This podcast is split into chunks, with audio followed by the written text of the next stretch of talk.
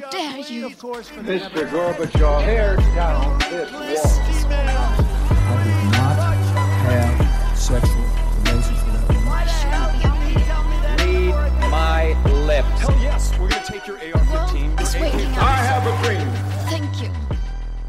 Harald, i dag, nå, nå Nå skal vi snakke om favorittevnet ditt. Ja, endelig. Det har jo tatt, uh, tatt et år. Ja, vi, snakker egentlig alltid om dine favorittevner.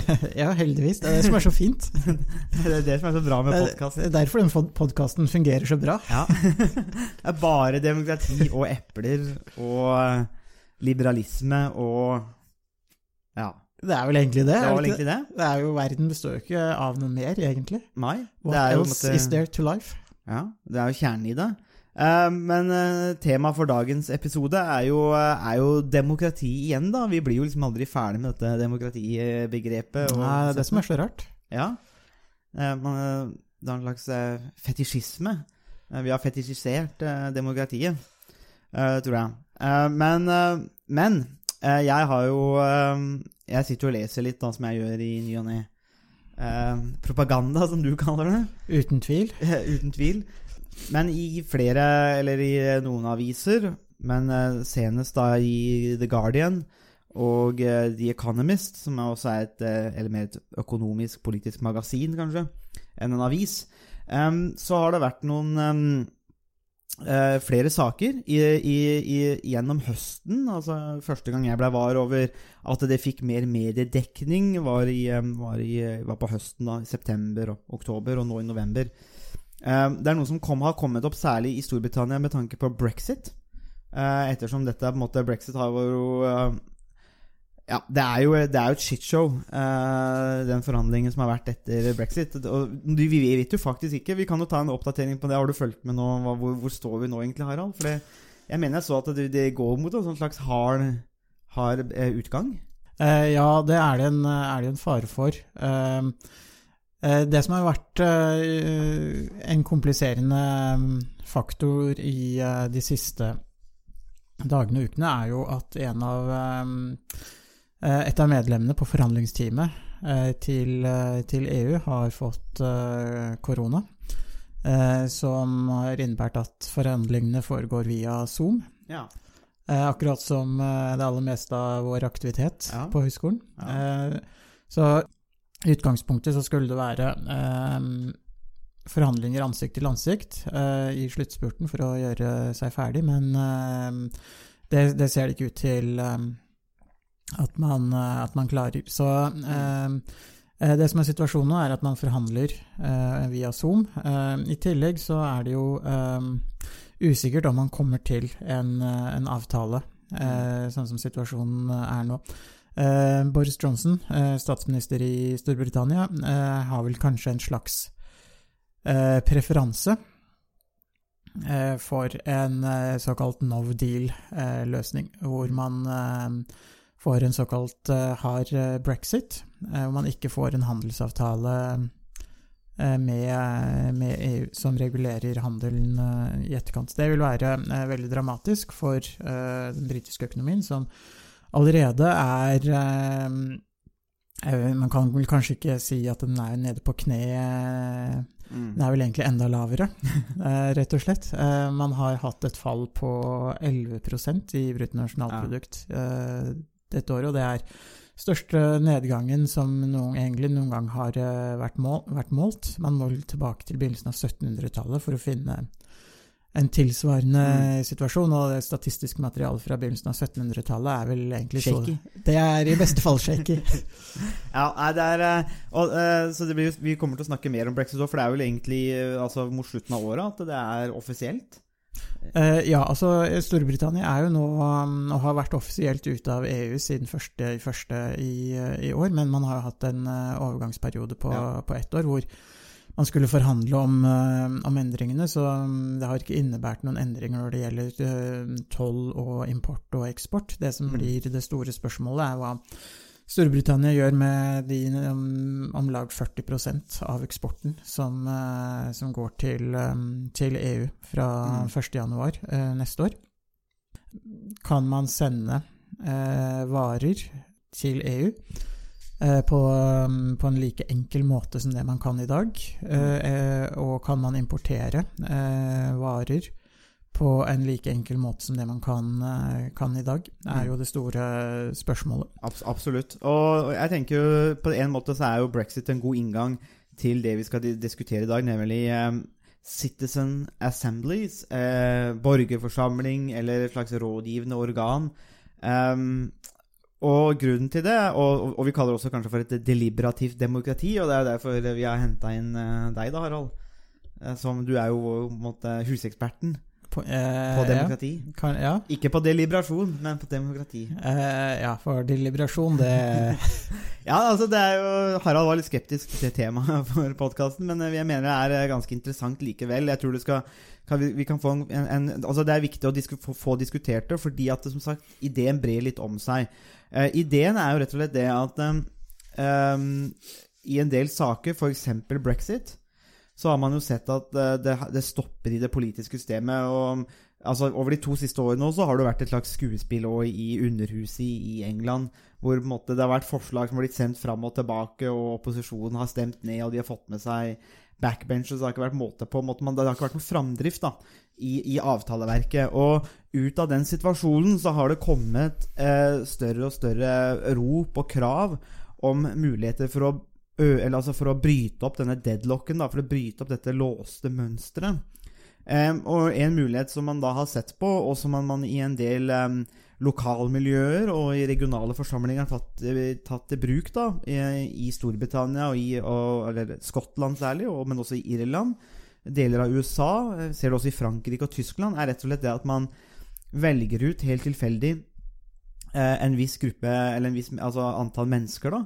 Eh, helt vanlige, ordinære mennesker som eh, over en vanligvis en seksukersperiode møtes ofte i helgene, det er også, også ofte betalt, eh, hvor man får innsikt i en sak eh, og diskuterer dette med rett og slett ikke politikere, men rett og slett med vanlige folk da, over en lengre periode. Vanligvis har dette her foregått ansikt til ansikt, og nå foregår det også på, um, på Zoom. Eh, Det som var litt interessant, er at eh, et av disse firedagerseksperimentene i USA eh, viste til at republikanernes, altså de som var republikanere da, i den forsamlingen, mjuka opp synet sitt på, på innvandring ganske tydelig. Og demokratiske personer ble, ble, ble mjukere på kravene som det demokratiske partiet stiller, særlig med dette med Det gikk også på lønn, da. Eh, Og disse tingene. Det, poenget her er at eh, på, i begge standpunkt så kom de nærmere hverandre etter en sånn firedagersperiode hvor de snakka sammen. da. Og i Irland så eh, Og som jeg også tenker er et veldig godt eksempel, så hadde de altså to 18 måneder lange slike forsamlinger i Irland. Og det det viste, eller resultatet som, som noe av det som kom ut av det, var det at Irland også er mye mer sosialt liberalt enn det man kanskje får inntrykk av, og, det, og, og kanskje det som politikerne gir inntrykk av. Og dette resulterte jo da i en, en um, avstemning som også eh, gjorde at det ble lovlig med likekjønna ekteskap og også abort da, inntil eh, tolv uker. Så The Economist og The Guardian de mener da rett og slett da, at disse forsamlingene er gode løsninger for å komme opp med løsninger til polariserende saker som politikere da har på en måte okkupert eller holder som gissel. Og, og, og, har tatt liksom, til det ekstreme som gjør at man ikke kan snakke sammen lenger. Da. Har man kommet dit, så mener de at ok, da er det kanskje bedre å rulle inn vanlige folk. Fordi vanlige folk er faktisk overraskende mye mer eh, normale enn, og oppegående enn man kanskje gir dem kred for. da. Uh, dine umiddelbare tanker om uh, Altså, jeg tenker vi, vi kan jo snakke litt sånn Eller kanskje vi skal begynne å bryte dem ned, ned med en gang.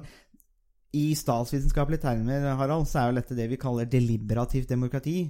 Uh, og hva er det egentlig det Hva er kjernen i det, i det deliberative demokratiet? Ja, deliberativt eh, demokrati handler om at for at demokratiet skal eh, fungere, så må man eh, gjøre mer enn bare å stemme hvert fjerde år eller annethvert år. Eh, man er også avhengig av at eh, det er en mye større grad av involvering eh, fra borgerne sin eh, side, eh, hvor man er delaktig i ulike former for, eh, forhandlinger eh, eller ulike former for deltakelse i den demokratiske prosessen.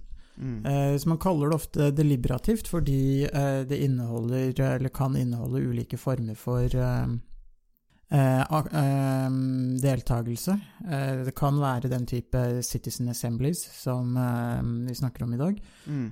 Det kan også være andre former for, for deltakelse. Det kan være fokusgrupper, det kan være at man er del av et større panel eller en større gruppe som eh, blir konsultert eh, eh, på ulike spørsmål. Mm. Så eh, det, det som ligger i deliberativt demokrati, handler om at demokratiet, for å fungere, eh, så krever det en stor grad av eh, folkelig eh, involvering på mange nivåer. Mm. Og deliberasjon er, er jo nettopp dette å veie og utforske. Uh, måtte alle sier veie argumenter opp mot hverandre. Hvilken, eh, hvilken eh, hvil- hvil- Hvilke tenkere eller retninger er det vi kan snakke om her innenfor demokratitenkningen? Er det noen som har eh, fremmet dette synet her? Eh, ja, deliberativt demokrati har jo vært et eh, ganske stort eh, spørsmål i demokratiteori de siste uh, tiårene. Eh, og eh, man kan kanskje gå tilbake til rundt eh, begynnelsen av 70-tallet. Eh, Carol Pateman som eh, introduserte ideen om participatory eh, democracy, altså deltakende demokrati. Mm.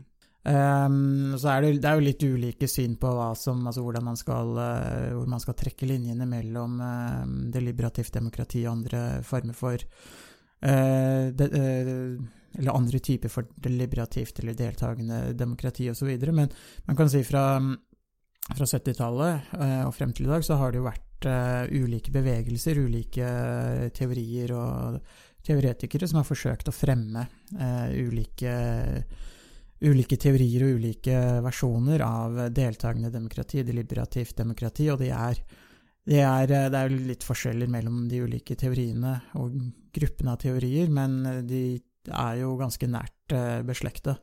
Eh, og som en som er litt kritisk til deliberativt demokrati, så vil jeg vel kanskje kalle det for innavl, men Knallhardt. Eh, men hvis man ser på noen av de teoretikerne som eh, eh, som har, eh, som har vært viktige, så kan man snakke om eh, Jørgen Habermas.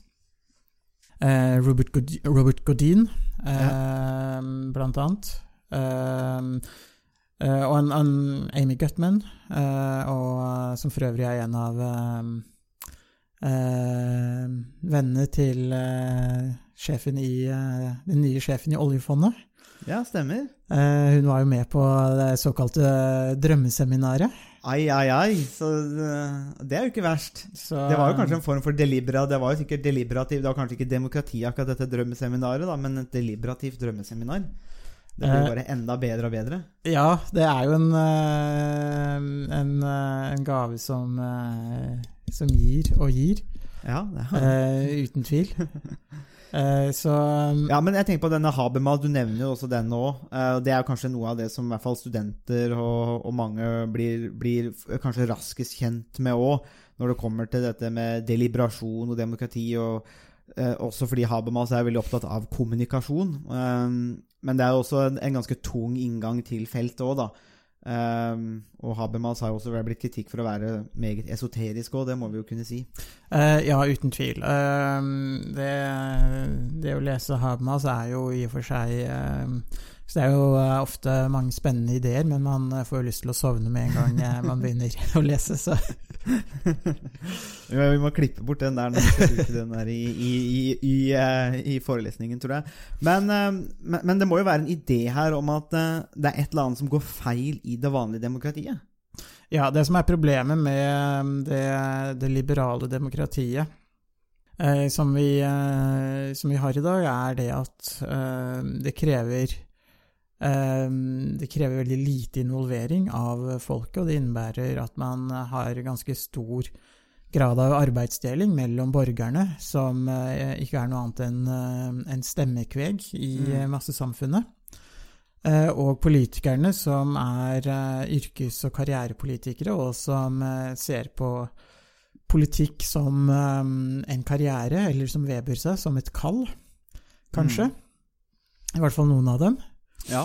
Eh, og hvor, eh, hvor politikk da blir eh, en aktivitet for, eh, for en liten gruppe.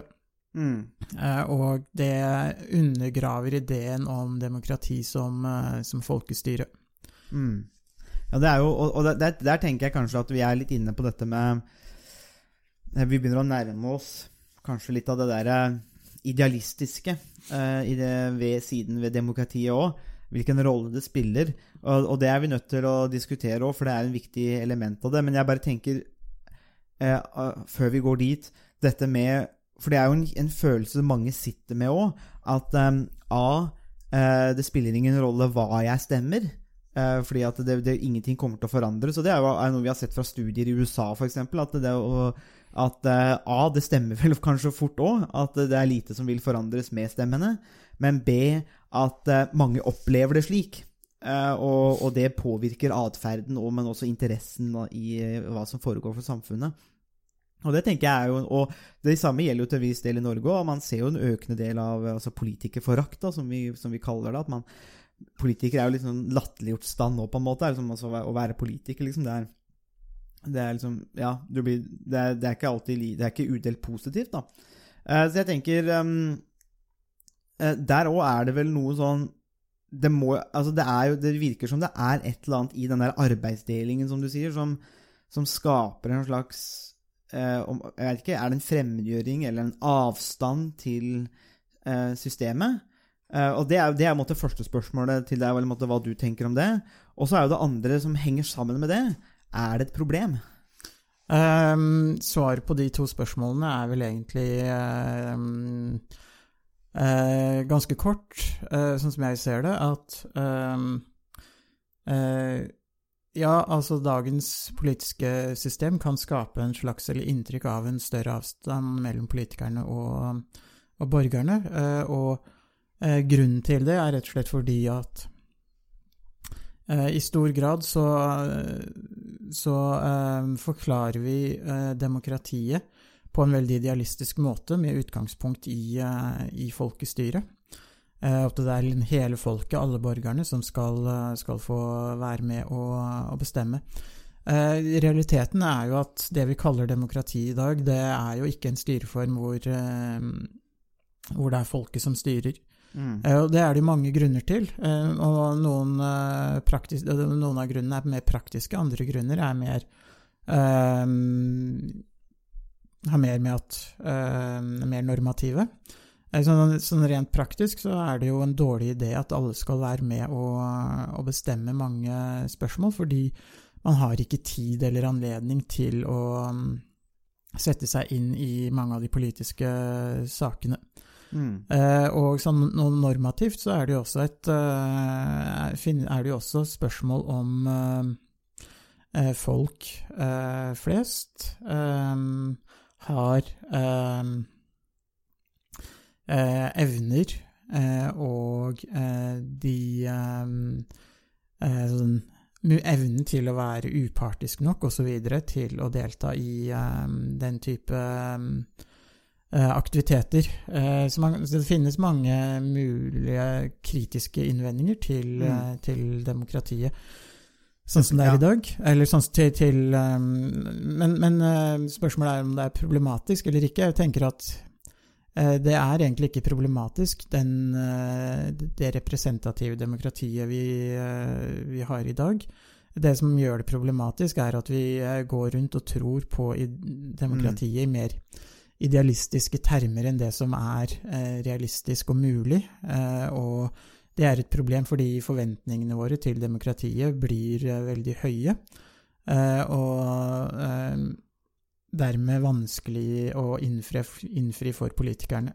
Ja, og det, og det, det tenker jeg er et det er et veldig godt poeng òg, med den der illusjonen kanskje som vi har om demokratiet. Og, og det tar meg til neste spørsmål òg, fordi at i disse artiklene, og det tenker jeg kanskje er et et av de tingene som jeg tenker mest kritisk rundt når jeg leser de artiklene i The Economist og The Guardian, det er nettopp den følelsen av at Eller det, det, den holdningen som kommer fram da i artiklene, eh, og av de som støtter det, at deltakelse, deliberasjon, kan redde demokratiet. Fordi at man tar utgangspunkt i store mm, meningsmålinger, som bl.a. viser at eh, så, altså Pew Research Center har, har gjort flere meningsmålinger på tvers av 34 land, som viser at det, er et gjennomsnitt på 64% av mennesker som, som eh, mener at eh, politikere og byråkrater, eller de som styrer, de bryr seg ikke om hva vanlige folk tenker. da, Så kan vi diskutere hva vanlige folk er, da. Eh, men vi, vi, vi, får, vi får bare ta det for gitt nå, da. Eh, og, sam, og de samme undersøkelsene viser at 69% av britene er misfornøyd med måten demokrati, de, demokratiet fungerer, og rundt 59 av amerikanerne tenker det samme. Altså det, På overflaten virker det som ganske øh, stygge tall uh, for demokratiet. Men når du begynner å snakke om den der med den illusjonen, eller de kanskje litt sånn uh, høye forventningene vi har til det, tenk, og, og, når jeg leser disse artiklene, så tenker jeg kanskje at ja, men man vil jo aldri komme til et, et sted hvor 100% er fornøyd med demokrati, fornøyd med det politiske systemet. Det tror jeg aldri vil forekomme. Så hvor mye vekt skal vi på en måte legge på disse type meningsmålinger? At det er kanskje urealistisk forventninger da, til måte, hvor mange skal være fornøyd med systemet?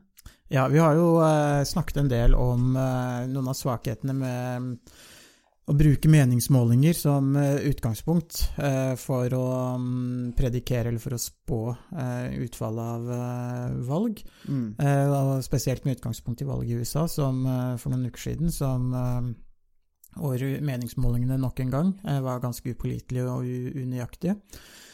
Og det som, det som, slår meg når du refererer til de undersøkelsene, er jo altså de, Når man stiller den type spørsmål, så vil man eh, nesten så, så, er det de er nesten på kanten til å være litt ledende.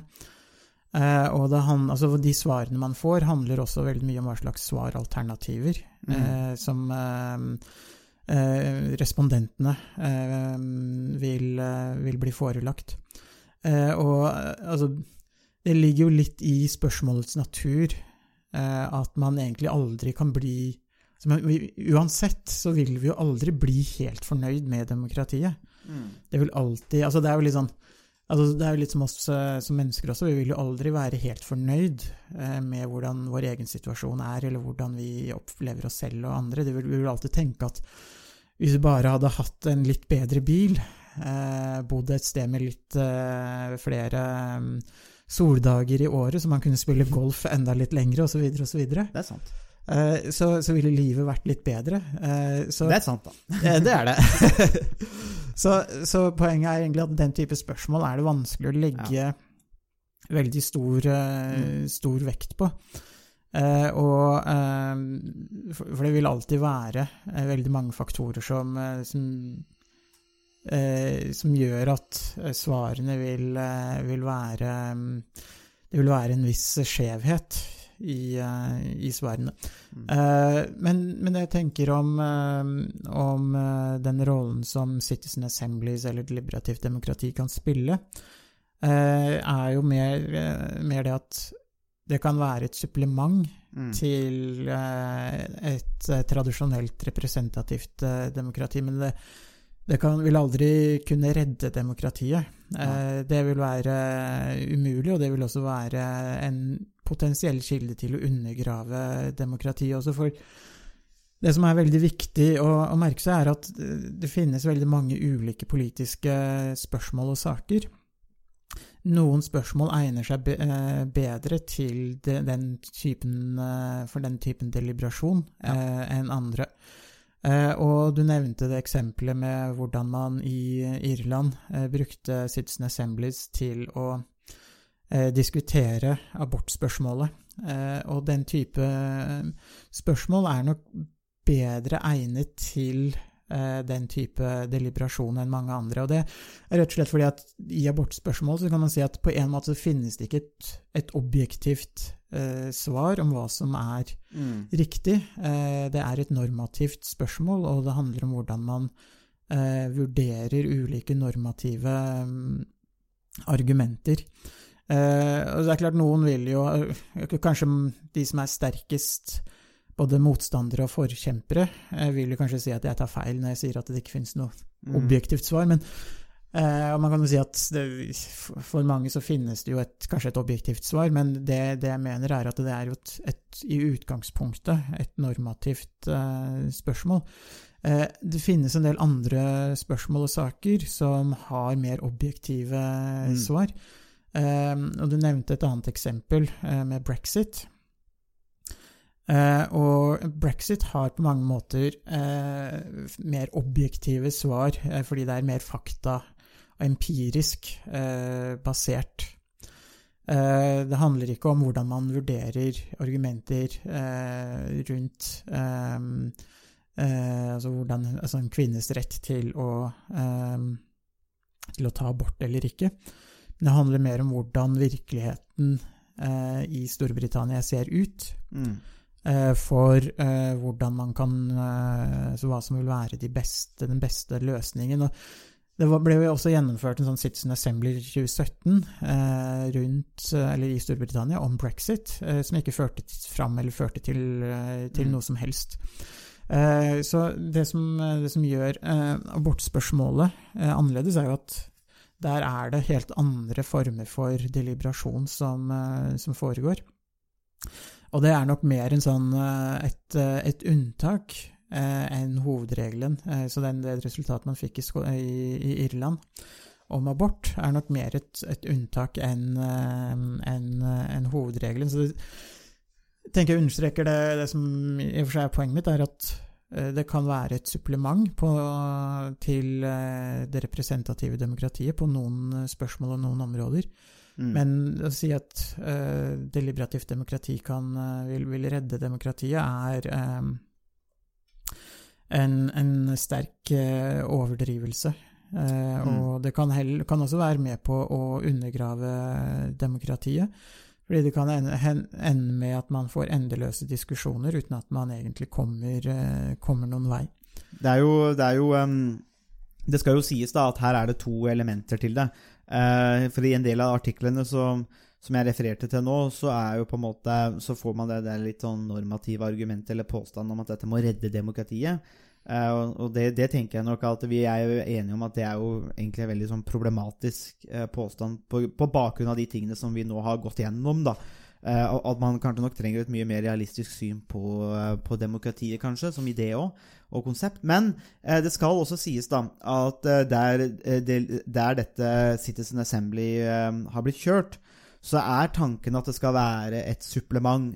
Og, det er jo, det er jo greit at vi også nevner at i, i de fleste tilfellene så er nettopp ideen at man eh, har det på begrensa emner eller temaer, slik at det, det blir den, den type abortspørsmål, f.eks., eller likekjønna ekteskap, eh, fordi at det er litt mer av begrensa natur. Det er norma, det er også normativt, men det er begrensa og eh, kan også brukes til å reflektere vanlige folks holdninger egentlig på en veldig god måte, da, for det handler om eh, ganske normale ting. Og, og sånn er det jo um, det, det, det er jo også ideen, da. I, blant, har, blant en del av de som mener at det her er en god ting, da, så har man ikke sagt at man skal um, bruke det, erstatte demokratiet med det, men at uh, det er et fint supplement. Og det der med hvordan man stiller spørsmål, tenker jeg er et godt poeng, fordi at uh, de har også prøvd dette i Skottland, men eh, en av de Citizen Assembly i Skottland fikk oppgaven med å, å deliberere eller diskutere eh, hvordan skal et godt Skottland se ut. Og det blir litt sånn Det er så bredt at du får ikke svart på det. Hva i alle dager betyr egentlig det? Eh, men det jeg tenker, da, og som vi kanskje kan avslutte med en sånn diskusjon rundt, er nettopp den en, en, idé som jeg syns er litt besnærende. Og det er litt det Du vet jo også, Harald, jeg har jo ikke noe sans for politikerne, eh, stort sett. Eh, og selv om jeg kjøper jo på en måte, og er jo enig med deg i hvordan det, det, det representative demokratiet fungerer, med den arbeidsdelingen, vanskelig å se noen annen vei utenom. Samtidig så får man jo mye maktspill, eh, maktkamper, det blir egne logikker, egne eh, systemer innad på en måte i disse maktkorridorene. da.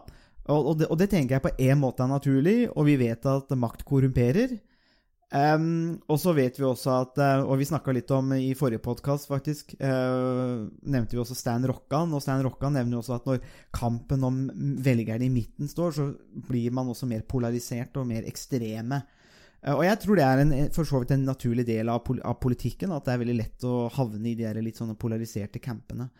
Og det er jo spørsmålet som jeg uansett syns er interessant, er jo nettopp det hvis man tar som Og jeg tenker det er et ganske liberalt utgangspunkt å si at eh, vanlige folk, du og jeg og alle andre, vi, vi har en evne til å samarbeide, til å snakke sammen. Og vi vil gjerne samarbeide òg, som mennesker. Slik at eh, hvis, vi, hvis vanlige folk og tilfeldige mennesker møter hverandre i sånne type citizen assemblies med, der de skal diskutere begrensa emner, hvor kanskje politikken eller parlamentet står fast, Kanskje det kan være en idé å, å, å da sende det til en sånn Citizen Assembly. Det er da et rådgivende organ. Og det skal også sies at mange av disse assemblyene har ikke hatt noe sånn at hvis de blir enige om noe, så er det lov. Det som ofte skjer, er at hvis de blir enige om noe, så må ha politikerne lovet, eller signert på, at det skal til en eh, avstemning. Folkeavstemning. Så de må, det må følges noen konsekvenser. Det er ikke noe at det blir automatisk lov, men sånn som i Irland, så var resultatet at, av den Citizen Assembly at du kunne ha en folkeavstemning. Og folkeavstemningen gikk da den veien da som Citizen Assembly hadde De reflekterte hverandre, da. Eh, Så jeg tenker, men Hva tenker du om den, Harald? Jeg syns det er en veldig interessant idé hvis, vi, hvis man ser på hvordan det politiske systemet kan kjøre seg fast på egeninteresser og partiinteresser og denne stammetilhørigheten som ofte er med partier. Og hvis man kjøper argumentet om at vanlige folk også stort sett vil samarbeide, finne løsninger og kompromiss, de fleste av oss vil det, at det er en vei å kanskje løse noen store ting på, eller komme med et rådgivende løsning, for å prøve å bryte opp dette mønsteret. Jeg syns det er en litt sånn besnærende idé, egentlig, og litt sånn attraktiv idé òg. Altså all makt til folk, holdt jeg på å si. Men uh, hva, hva, hva tenker du om den, akkurat bare den, der, den muligheten der, da? I, et- begrensa omfang, da. Ja, altså man kan se på det som en, eh, en slags uh, sikring. Uh, så hvis eh, den politiske debatten, eh, eller prosessen, kjører seg fast, så kan man se på det som eh, en slags eh, sikring som på en måte bryter. Eh, så når, det har kjørt, når prosessen har kjørt seg helt fast, så kan man på en måte bryte prosessen litt på samme måte som når strømmen eh, går og sikringen går. Mm. Så kan man liksom forsøke å redde prosessen ved på en måte å, å eh, sette inn en, eh, en ny eh, en, en ny, eh, starte en ny prosess med utgangspunkt i en sånn Citizen Assembly. Mm. Eh, det, det som jeg tenker er eh, problemet uansett med den type eh, Citizen Assemblies eller den type form for deliberasjon, er at eh, mye av den eh, eh, mange, altså, Mye av det som skjer i et parlament og i eh, de mer formelle politiske prosessene, er uttrykk for ulike interessegrupper sin kamp i, eh, i samfunnet. Eh, og man kan forsøke å, mm, å ta bort noen av de interessegruppene sin innflytelse ved å måtte gå veien om eh, Citizen Assemblies, eh, ved å, å, å sende spørsmål over til, eh, til folket. Eh, men, men det vil uansett ikke Det vil uansett ikke eh, fjerne de motsetningene og de interessene som ulike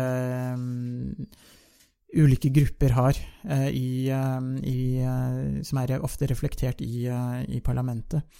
Eh, Så jeg tror eh, det vil, eh, det vil heller kunne mm, legge lokk på noen av de interessekonfliktene. Man må løse de interessekonfliktene der de, der de er, og parlamentet er den arenaen hvor man i utgangspunktet løser den type konflikter. Så politiske problemer må ha en politisk løsning. Eh, Det andre som jeg tenker er litt eh, utfordrende, er altså hvem er det som skal bestemme hvilke spørsmål som skal eh, overlates til den type deliberasjon, og hvordan er det man velger ut de som skal sitte i, et, i en sånn folkeforsamling.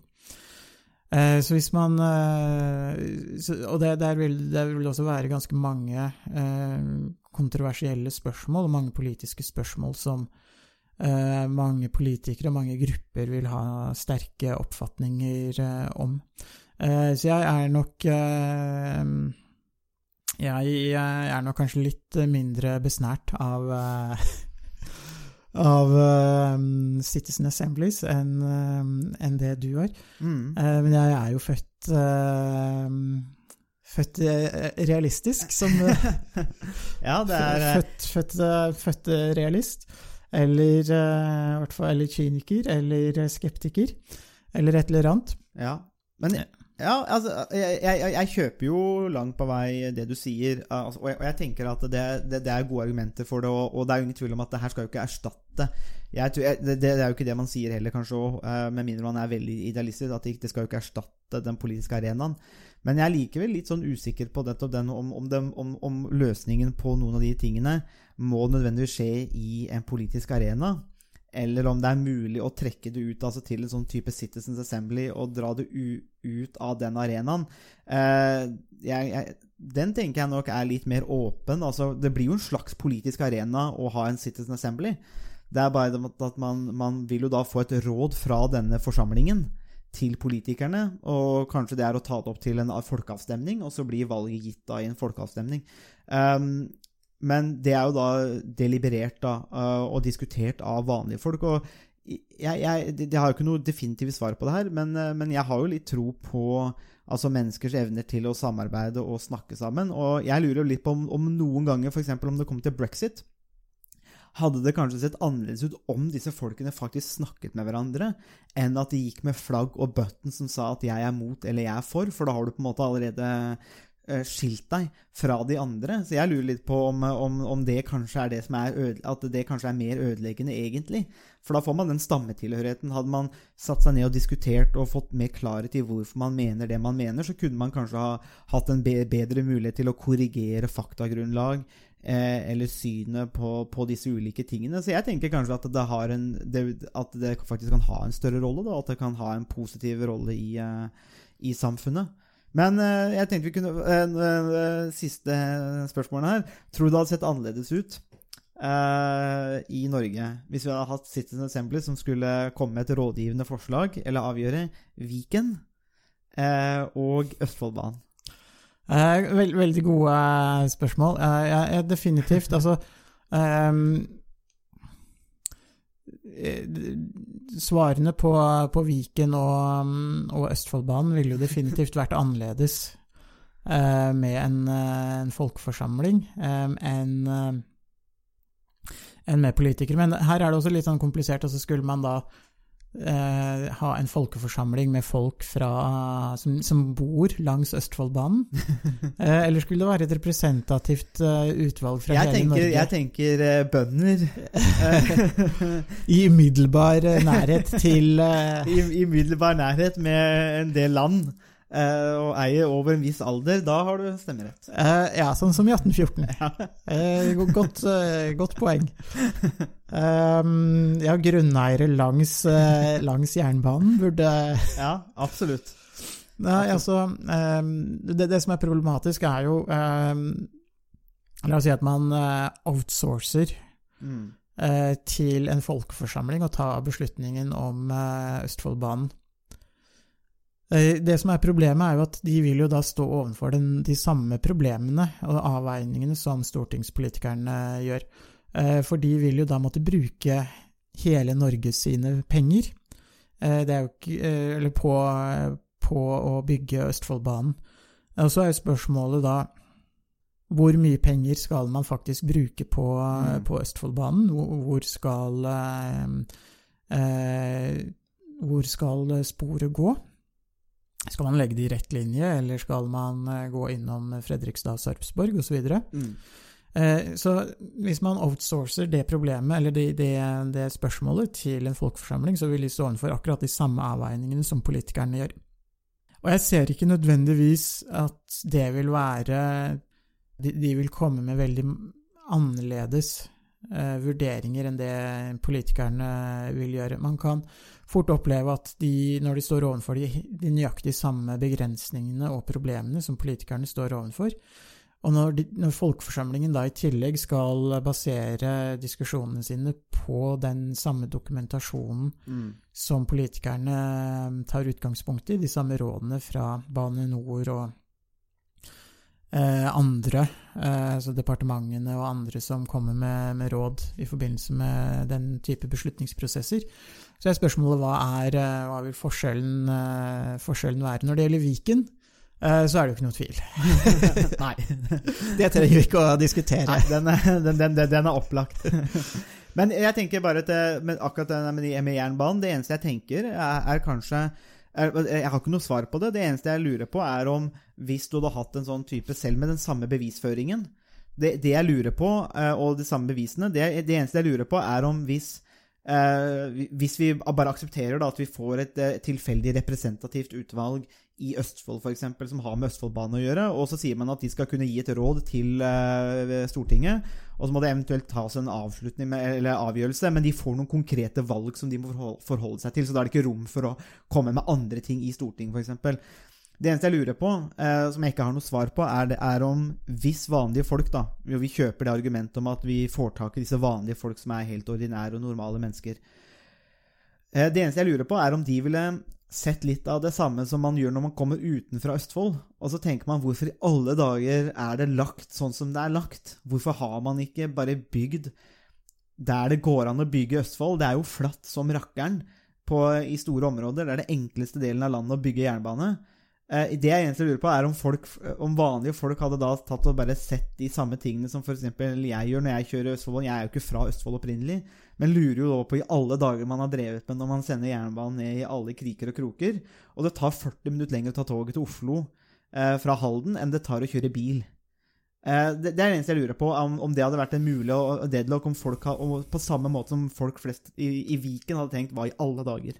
Eh, ja, jeg, jeg, jeg, jeg tror eh, eh, Jeg er nok også litt optimistisk når det gjelder akkurat det spørsmålet om eh, som, som du var inne på nå, med, med, med hvor man skal legge eh, spor osv. Eh, problemet er, eh, er jo at du antagelig i en sånn eh, Citizen Assembly også vil ha en del folk fra eh, Fredrikstad Ja. eh, og eh, Sarpsborg. Eh, og de, det, er jo et veldig åpent spørsmål hva de vil, ja. hva de vil gjøre. Eh, så eh, for eh, Altså, man kan jo si at man kanskje man burde bare ha en For å se det her objektivt, så burde man ha en Citizen Assembly med folk som ser det, som kommer fra Finnmark eller uh, Førde eller Eller med doktorgrad. eller med, helst med Som ser ting litt klarere. Sånn som vi gjør, da. Så vi, vi, vi kan jo vi, vi burde jo blitt uh, Vi burde jo definitivt blitt eh, tatt med. Eh, egentlig hadde man jo kanskje ikke trengt noen flere Hva hadde egentlig holdt med oss to, tenkte tenker man. Nå som, nå, nå som vi får tenkt oss om, så var det faktisk det nok. Uh, Så vi trenger egentlig ikke 99 eller noe sånt, nå, for eh, det holder egentlig med to. Henger egentlig med to. Så, så jeg vet ikke helt, altså det, det kan hende man kan altså, Men det er, samtidig så er jo det her litt optimisme, da, og litt sånn man har en sånn Ja, tro på folket. Ja. Eh, og problemet er, tenker jeg, er at hvis man gjennomfører Citizen Assembly eh, 100 ganger, altså med 100 ulike spørsmål, så er det ikke sikkert at eh, summen vil være så forskjellig fra det vi ser i, eh, i Stortinget. Stortinget er jo tross alt en uh, slags Citizen eh, Assembly, og det er jo, eh, det er jo ikke nok eh, på Stortinget med doktorgrad. Eh, det burde jo vært eh, obligatorisk. helt, klart. helt klart. Det hadde vært eh, bra for utdanningsindustrien, i hvert fall. Men eh, da har vi i hvert fall deliberert litt rundt eh, det, det deliberative demokratiet. Eh, det er i hvert fall noe som vi kommer til å snakke mer om seinere. Det sier vi stort sett hver episode, men det er sånn er det å drive med politikk da, og statsvitenskap. Det er jo ikke, noe, det er jo ikke en prosess som stopper, på en måte. Det er jo liksom det som er interessant. og det er jo hvordan man kommer fram til av vedtak, fatte vedtak og avgjørelser, det er jo egentlig en veldig kompleks, men også interessant prosess. Da. Så får vi, får vi se hvordan det går, om det blir noen løsning på Østfoldbanen og Viken etter hvert. Det blir nok neppe. Det var det vi hadde å by på i denne ukas episode av Statsvitenskap og sånt. Musikken er komponert av Robin Horvath, og Thomas Focolato står for miksing og redigering. Du finner oss på Facebook, bare søk på Statsvitenskap og sånt. Der kan dere komme i kontakt med oss hvis dere har spørsmål eller kommentarer. Der finner dere også aktuelle artikler, videoer med mer. Vi setter pris på om dere liker sida, og deler den med andre som dere tenker vil ha glede av å høre på podkasten. Vi høres!